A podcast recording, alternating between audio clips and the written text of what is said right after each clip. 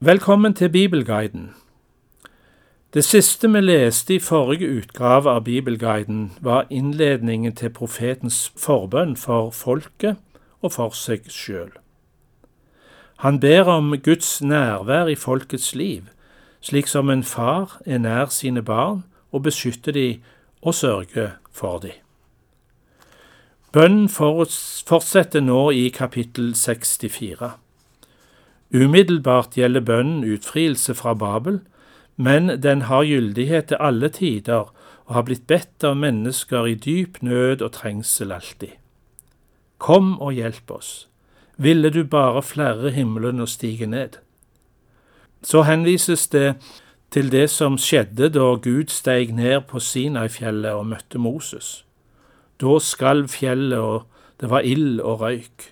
Det var tegn på Herrens nærvær blant sitt folk. De erkjenner sin synd og minnes Guds harme, men samtidig har de ikke glemt at Gud frelste de. La det skje igjen. Vi leser Jesaja kapittel 64 vers 1-4. Ville du bare flerre himmelen og stige ned så fjellene dirret for deg, som når ilden setter fyr på kvistene, som når ilden får vannet til å koke, for å lære dine motstandere å kjenne ditt navn. Folkeslag skulle skjelve for ditt ansikt, når du gjorde skremmende gjerninger vi ikke ventet, og steg ned så fjellene dirret for deg. Aldri har noen hørt eller lyttet til, aldri har noe øye sett noen annen Gud enn deg, som kan gjøre slikt for dem som venter på ham. Du møter den som er glad og gjør rett, de som husker deg og går dine veier. Se, du ble harm når vi syndet i gamle dager, men vi ble frelst.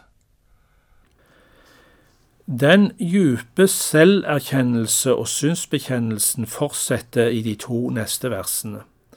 Og så ropes det igjen ut et Fader vår.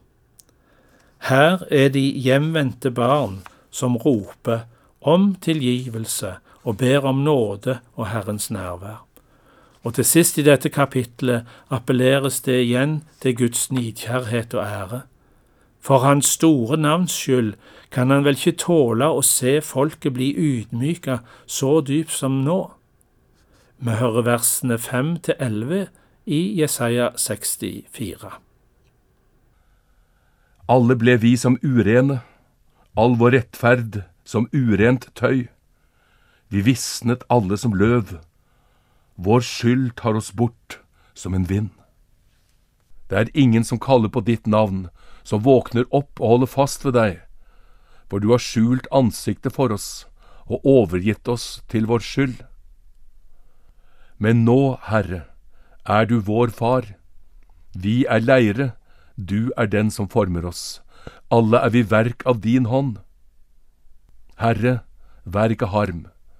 Husk ikke vår skyld for alltid. Se nå hit, alle er vi ditt folk. Dine hellige byer er blitt til ørken. Sion er blitt en ørken, og Jerusalem en ødemark. Vårt hellige og herlige tempel, der fedrene våre lovet deg, har ilden svidd av. Alt vi var glad i, er lagt i ruiner.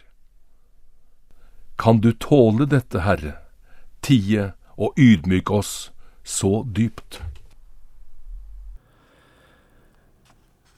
Vi fortsetter nå litt inn i kapittel 65, der det er et tydelig avsnitt som strekker seg fra vers 1 til 5. Her kommer Guds svar på de bønner som folken har bedt i de tidligere kapitlene 63 og 64. Først begrunner Gud hvorfor han har forholdt seg taus. Grunnen er ikke den at ikke Hans nåde skulle strekke til, men det er at folket har vært gjenstridige og trassige. Både imot hedninger og jøder har Herrens frelsende armer vært strekt ut, men i avgudsdyrkelse har de villet holde Gud borte. Men alt det som folket har gjort, er skrevet opp foran Gud og er huska, og Gud vil gjengjelde de ugudelige synder. Merk her òg at domsordene blir innledet med et tilbud om å komme til Gud og ta imot de gode gaver fra Hans hånd. Vi leser første del av kapittel 65. Jeg hadde svar til dem som ikke spurte. Jeg var å finne for dem som ikke søkte meg. Jeg sa, Her er jeg. Her er jeg, til et folkeslag som ikke kalte på mitt navn. Hele dagen rakte jeg hendene ut til et trassig folk som gikk fram etter sine egne tanker på veier som ikke var gode. Alltid gjør folket meg rasende like opp i ansiktet. De ofrer slaktoffer i hagene og brenner røykoffer på teglstein. De holder til i gravene og overnatter på skjulte steder. De spiser svinekjøtt og koker suppe på urent offerkjøtt. De sier, Hold deg unna, kom ikke nær meg, for jeg er hellig for deg. Slike er røyk i nesen på meg, en ild som brenner hele dagen. Se, er skrevet opp foran meg, jeg vil ikke tie før jeg har gjort gjengjeld. Jeg skal gjengjelde dem rett i fanget. Både for deres egne og for fedrenes synder, sier Herren. De brente røykoffer på fjellene og vanæret meg på haugene. Jeg skal måle opp det de før har gjort, og sende det rett i fanget på dem. I neste utgave av Bibelguiden skal vi fortsette å lese om Herrens nåde mot sitt folk. Takk for følget, og velkommen tilbake.